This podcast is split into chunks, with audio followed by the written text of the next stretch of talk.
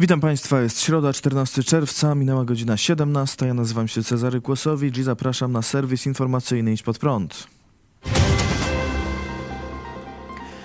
Dziś w Sejmie odbyło się drugie czytanie projektu ustawy o szydzeniu z dogmatów, nazwanej przez twórców ustawą o obronie chrześcijan. Projekt ustawy przygotowany z inicjatywy Solidarnej Polski zakłada, że karalne będzie lżenie kościołów i szydzenie z ich dogmatów i obrzędów. W projekcie zapisano, kto publicznie lży Kościół lub inny związek wyznaniowy o uregulowanej sytuacji prawnej lub wyszydza jego zasady doktrynalne lub obrzędy, podlega grzywnie, karze ograniczenia wolności albo pozbawienia wolności do lat dwóch. Tej samej karze ma podlegać ten, kto publicznie znieważa przedmiot czci religijnej lub miejsce przeznaczone do publicznego wykonywania obrzędów religijnych. A jeżeli dojdzie do takiego czynu w czasie i miejscu odprawiania nabożeństwa lub wykonywania innego aktu religijnego lub za pomocą środków masowego komunikowania, kara będzie wynosić do lat trzech pozbawienia wolności. Ustawa ma też zmienić przepis przewidujący karę dwóch lat więzienia za złośliwe przeszkadzanie pu- w publicznym wykonywaniu aktu religijnego Kościoła. Wykreślone ma zostać słowo złośliwe. Projekt chwalili posłowie PiS, poseł sprawozdawca Piotr Sak oraz poseł Mariusz Kałużny. Ten projekt idzie w kierunku takim, że jest tak dla opinii, tak dla e, stanowisk, tak dla nawet nieprzychylnych czy krytycznych uwag co do kwestii związanych z wiarą, ale nie ma zgody na to, żeby dochodziło do szydzenia, lżenia, manifestowania swoich poglądów w sposób taki skrajnie, mm, e, skrajnie ekstremistyczny, skrajnie mm, e, ekstremalny. Szanowni Państwo, powtórzę pytanie, które kiedyś już przed tą Izbą e, zadałem. Czy wolno być przeciwko religii?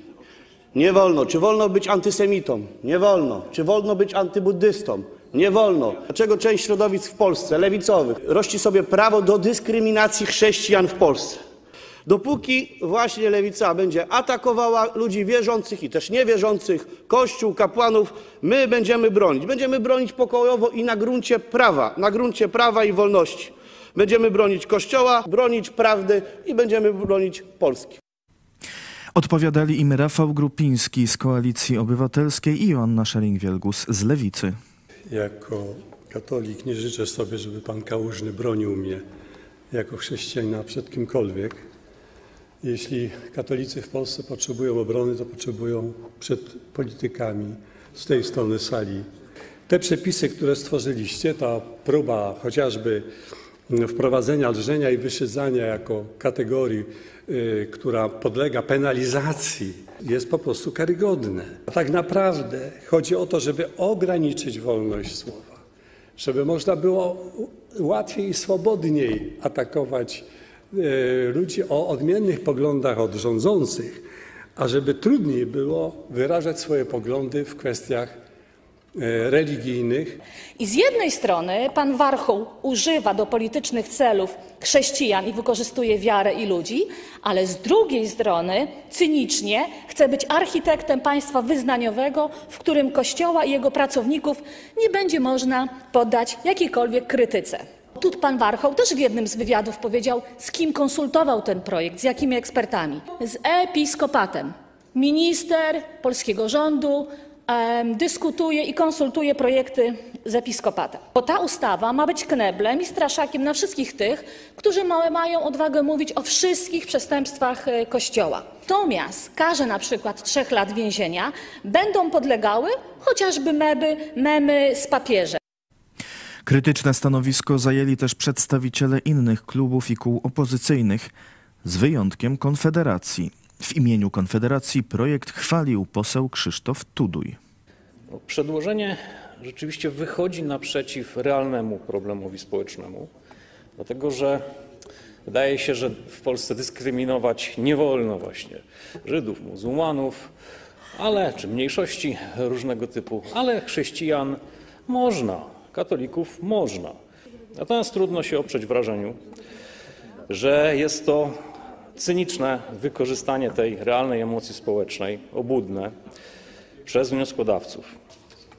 Same rozwiązania e, oceniam korzystnie, ta krytyczna kolizja norm pomiędzy ochroną wolności słowa i wolności religijnej e, jest, jest zachowana, aczkolwiek zachowana równowaga, e, aczkolwiek też zwracam uwagę na e, krytyczną opinię Sądu Najwyższego wskazującą, że projekt nie jest dostatecznie uzasadniony prawnie, nie przedstawiona została analiza akt podobnych spraw czy orzecznictwa. No dziwne, że w Ministerstwie Sprawiedliwości zabrakło prawników. Dziękuję. Lewica złożyła dziś wniosek o odrzucenie projektu. Wniosek ma zaopiniować teraz Komisja Nadzwyczajna do spraw zmian w kodyfikacjach. Wczoraj Donald Trump, były prezydent Stanów Zjednoczonych, usłyszał w sądzie zarzuty.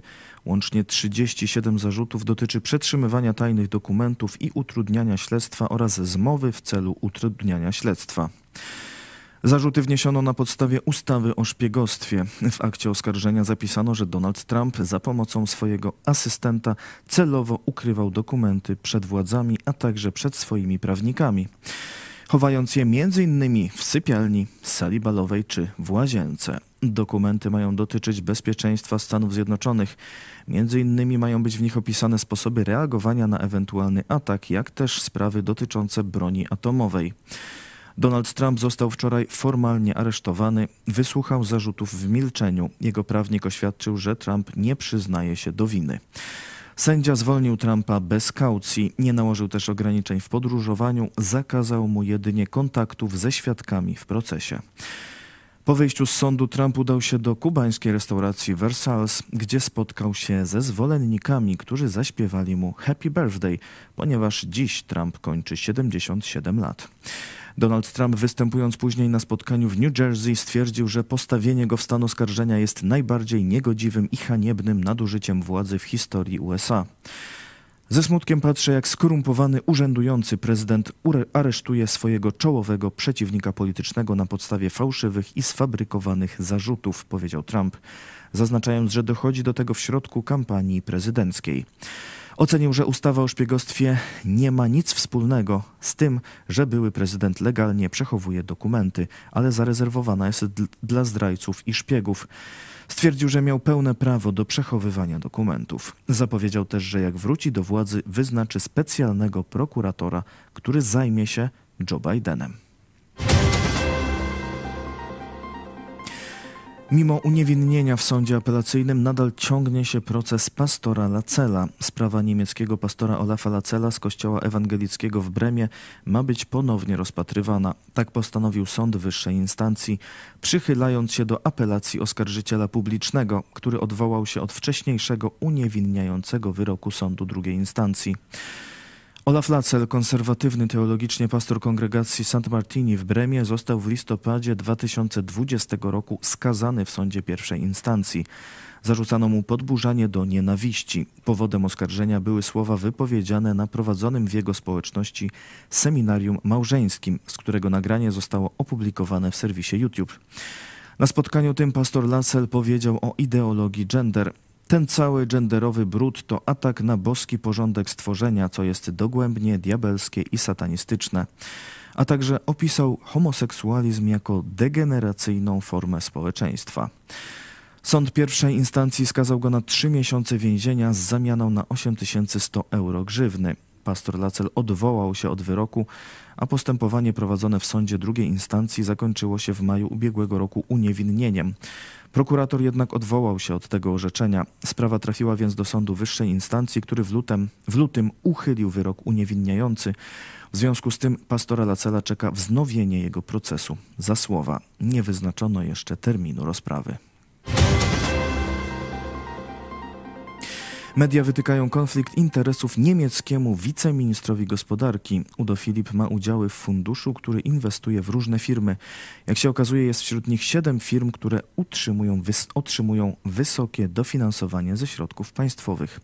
Poziom dofinansowania ma sięgać wysokich sześciocyfrowych kwot. O sprawie piszą portal Welt i Spiegel. Szef niemieckiego Ministerstwa Gospodarki Robert Habeck broni swojego wiceministra, przekonując, że nie występuje tu konflikt interesów, ponieważ Filip nie jest zaangażowany w decydowanie, które startupy otrzymają wsparcie. Tak samo odpiera zarzuty także Udo Filip. To kolejny problem personalny w niemieckim ministerstwie. W maju zdymisjonowano za nepotyzm innego sekretarza stanu w resorcie gospodarki, Patryka Greichena, polityka, który w niemieckim rządzie odpowiadał m.in. za transformację energetyczną. Welc dodaje, że pojawiają się również zarzuty wobec sekretarza stanu Stefana Wencela. To wszystko w tym wydaniu serwisu. Dziękuję Państwu za uwagę. Kolejny serwis jutro o 17, a jeszcze dziś o 18 w telewizji Idź Pod Prąd.